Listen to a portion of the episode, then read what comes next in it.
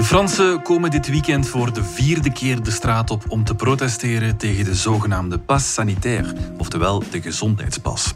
Zonder mag je niet meer op café of restaurant bij onze zuiderburen. En dat zet kwaad bloed. Vooral het politieke establishment moet het bij de betogers ontgelden. Hoe zijn we tot dit punt gekomen? En heeft Emmanuel Macron zijn volk verkeerd ingeschat? Het is vrijdag 6 augustus. Mijn naam is Niels de Keukelare en dit is vandaag de dagelijkse podcast van de Standaard.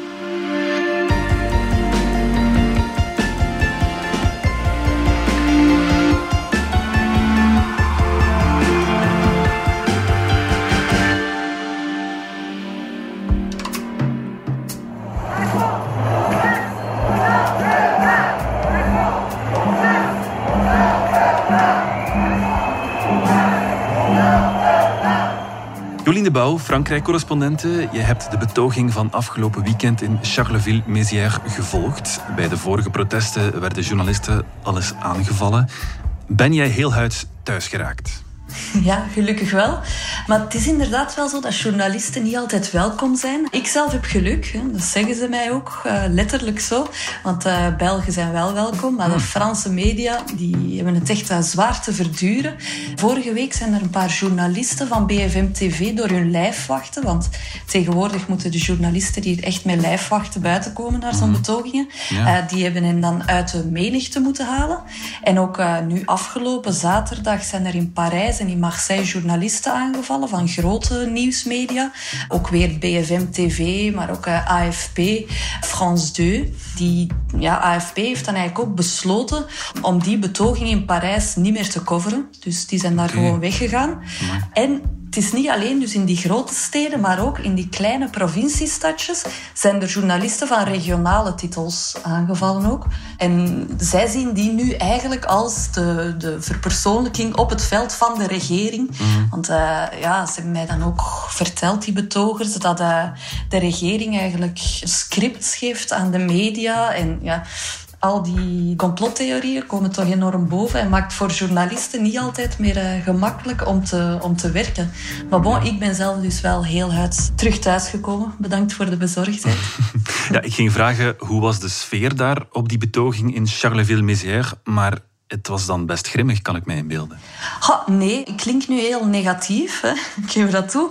Maar die sfeer die was best goed. Dat was bon hm. enfant, zoals ze hier zeggen. Er werden liedjes gezongen. Er werd gewoon ook met elkaar, ehm, met elkaar gesproken. Iedereen met elkaar. Er waren heel veel gezinnen ook met kleine kindjes. Er liepen honden rond.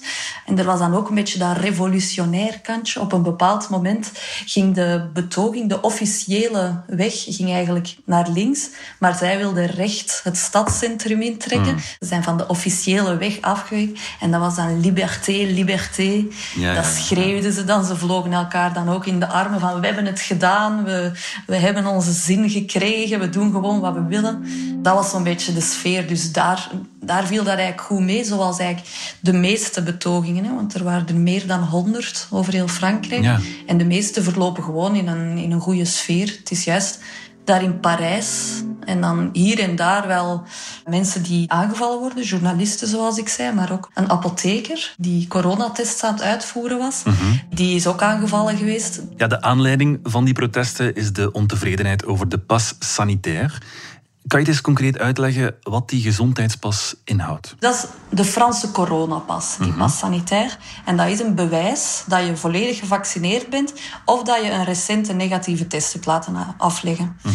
Dus dat is redelijk simpel. Maar je moet die nu dus al tonen om bijvoorbeeld naar de cinema te gaan, naar pretparken, overdekte zwembaden en nog zo'n paar van die plekken waar veel mensen samenkomen. Vinden de betogers dat dan discriminerend?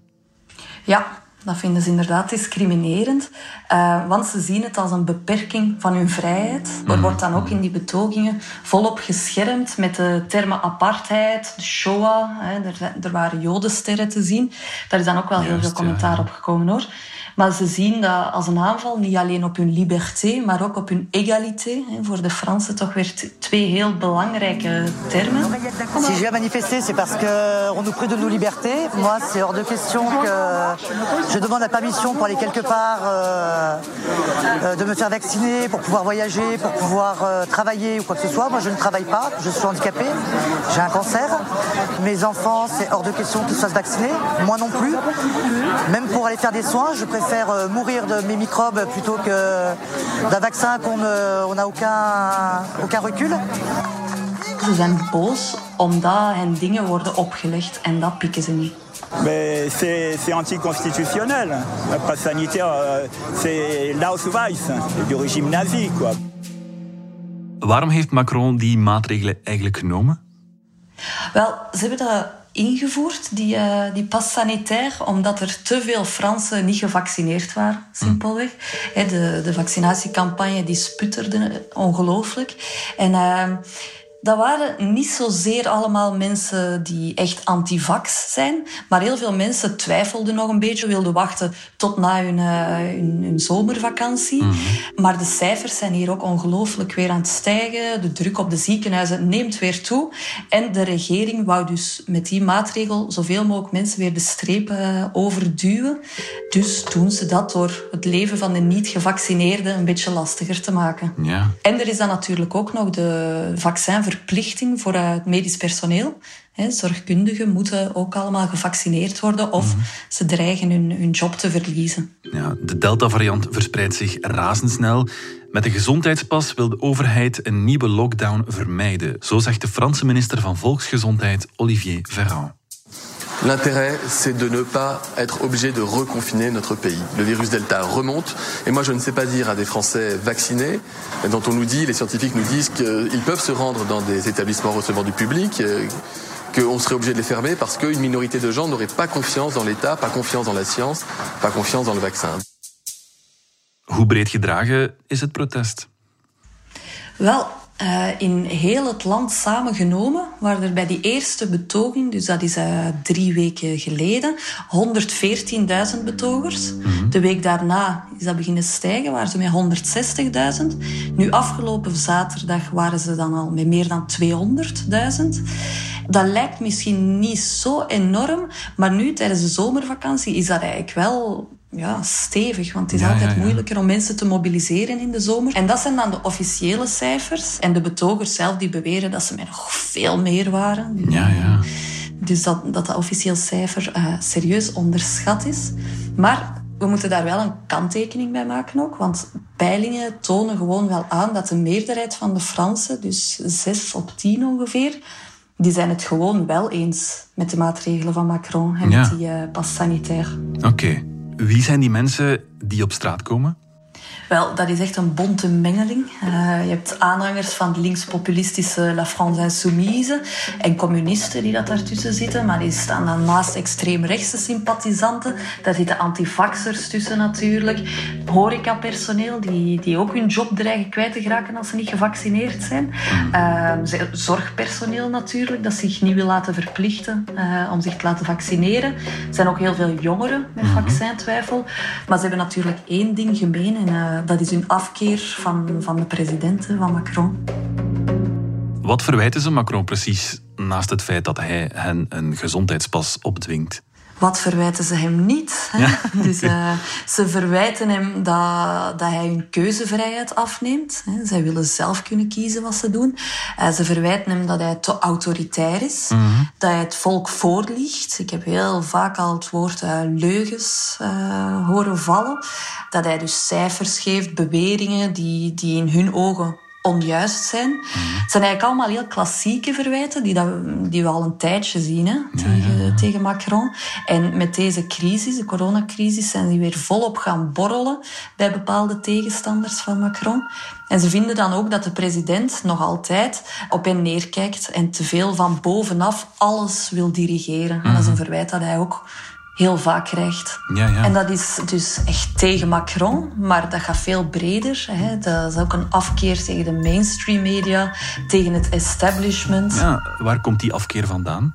Wel, zij voelen zich niet gehoord. Dat is ook al een oud zeer. En uh, dat, dat gevoel wordt natuurlijk nog gevoed door de samenzweringstheorieën, door nepnieuws en algemeen wantrouwen ook tegenover de officiële instanties en dus ook de media. Dat hangt een beetje samen voor hen. Ik moet nu wel zeggen, dat is misschien niet voor allemaal het geval. Maar uh, toch voor een aanzienlijk deel van die mensen die nu op straat komen. Ja, we strijden voor vrijheid, legt Jérôme Rodriguez uit, een van de voormalige leiders van de Gele Hesjes, die ook meedoet aan de protesten tegen de gezondheidspas. C'est pas du tout un mouvement anti-vaccin, c'est un mouvement anti-pass sanitaire. On veut tout simplement déjà récupérer les libertés qu'on a déjà perdues, qu'elles sont déjà pas mal, et peut-être préserver celles qui nous restent. Kunnen we de betogers dan vergelijken met de gele hesjes van een paar jaar geleden? Daar lijkt het toch op. En we zien ook op die betogingen heel veel mensen met gele hesjes. Hè. Die, zijn, die zijn blij dat ze hun geel hesje nog eens even van de haak kunnen halen. En die hopen echt op een wederopstanding van, van hun beweging. Er zijn ook heel wat van die leidende figuren van de gele hesjes destijds, die nu mee uh, die betogingen organiseren en trekken. En wat dan ook heel vergelijkbaar is, is de organisatie, of eigenlijk het gebrek aan organisatie. Het is nooit echt duidelijk wie of wat die protesten organiseert, behalve dan een paar gevallen. En juist zoals toen, in 2018, gebeurt dat eigenlijk exclusief via Facebook en een paar andere sociale media. Dat er wordt opgeroepen dat die organisatie dus uh, op poten gezet wordt.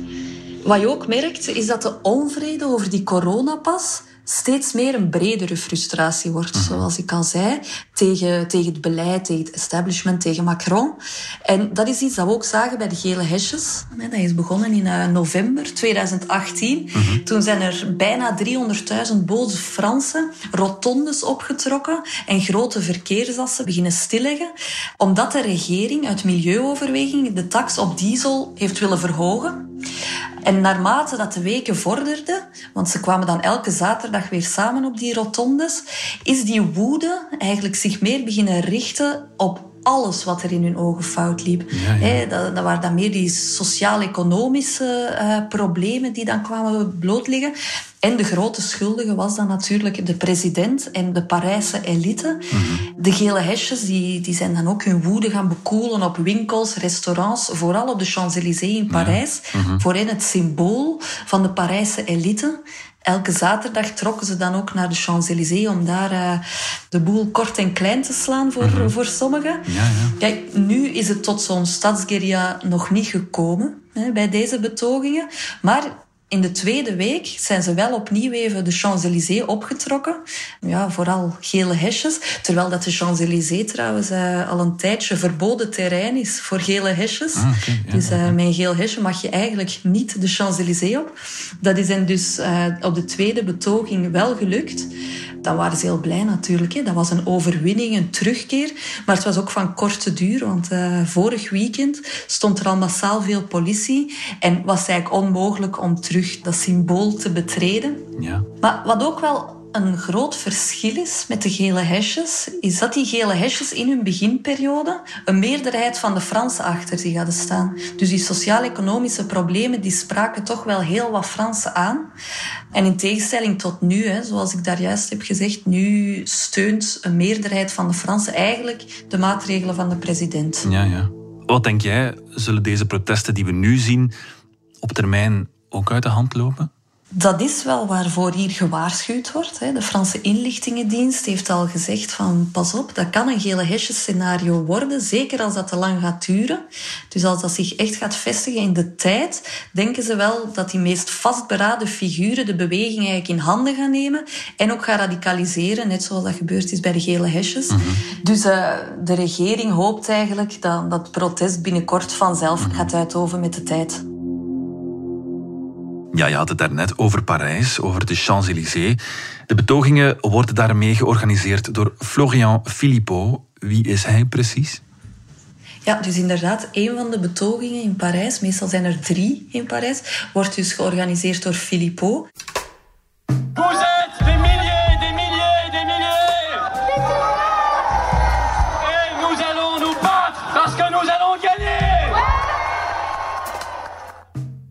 En dat is de voormalige rechterhand van uh, Marine Le Pen. Hij is ooit vicevoorzitter geweest van toen nog het uh, Front National. En hij was ook een van de drijvende krachten bijvoorbeeld om oprichter Jean-Marie, de vader van uh, Marine Le Pen, uit de partij te zetten. En het was ook hij die de dediaboliseringscampagne van de partij in gang heeft gestoken. Dus hij wilde de partij eigenlijk een beetje verzachten, waardoor het ook meer mensen misschien zou kunnen gaan aanspreken. Maar hij heeft dan in de loop der jaren wat aanvaringen gehad met Marine Le Pen. Onder andere over het al dan niet uittreden uit de eurozone. Hij wou dat wel, Le Pen wou dat niet. En dat was al een serieus struikelblok tussen die twee. En hij vond dat uh, Front National ook weer te hard aan het worden was. En is dan uiteindelijk zijn eigen partij uh, begonnen, Les Patriotes. Ja. Is dat een aanwijzing dat de partij van Le Pen uiteindelijk mede motor van deze protesten is? Nee, want Marine Le Pen blijft hier eigenlijk relatief op de achtergrond in deze discussie. En ja, niet volledig natuurlijk, hè, maar toch in vergelijking met Philippot, die hier echt wel de politieke man van de protesten wil zijn, uh, de radicale man ook wil zijn.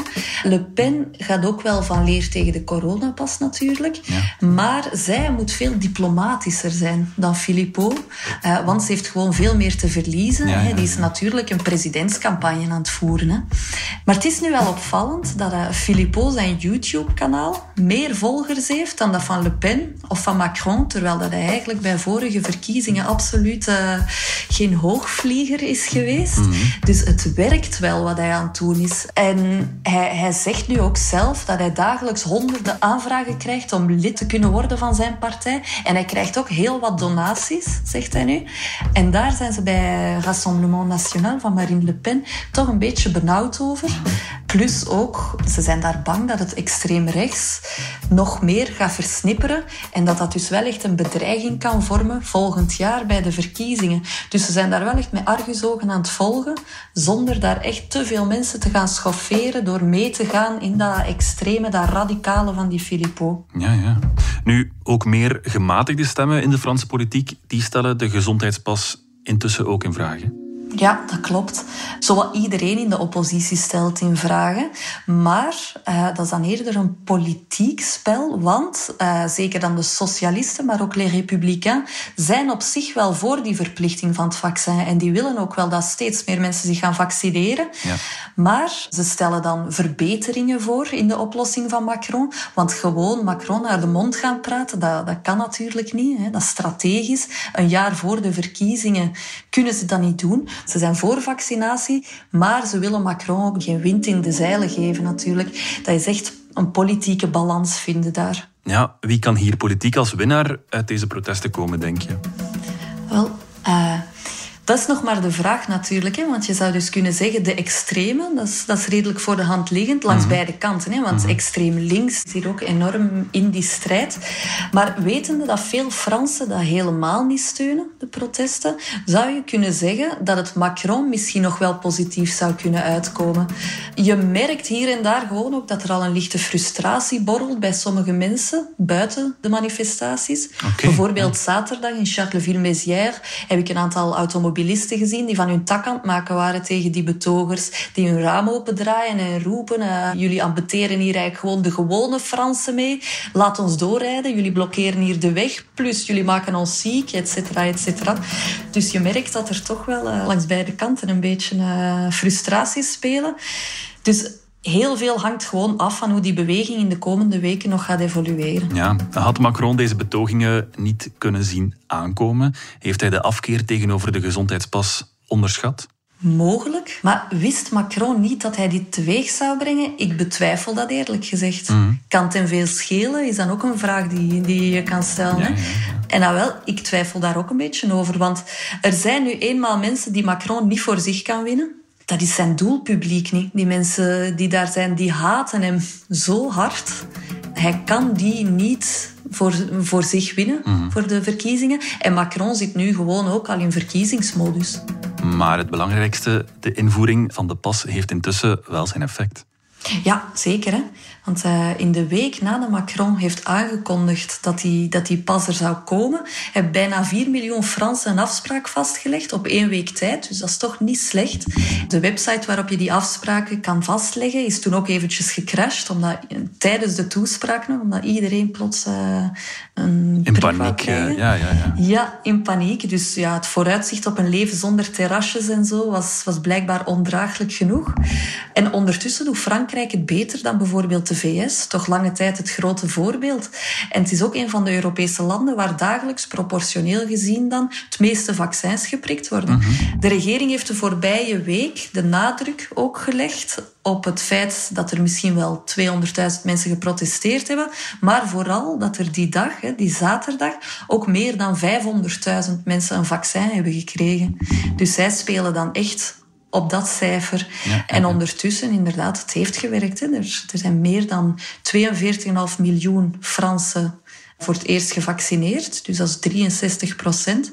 En nu zijn er specialisten die zeggen dat uh, begin van de herfst 90 procent haalbaar is. Ja. En nu? Zijn er nog protesten gepland? Ja, dus uh, morgen is het weer van dat. En uh, dus in tientallen steden uh, staan er weer betogingen gepland. Dus eens zien wat dat gaat geven. Ja, ik heb zo'n vermoeden dat jij niet mee gaat betogen, Jolien. Ik, ik ga niet mee zaterdag. Nee, oké. Okay, hou het alleszins veilig daar in Frankrijk. Dat zal ik doen. Jolien de Bouw, dankjewel. Dag. Dit was vandaag de dagelijkse podcast van de Standaard. Bedankt voor het luisteren. Reageren kan via podcast.standaard.be. Alle credits vind je op standaard.be-podcast. Maandag zijn we er opnieuw.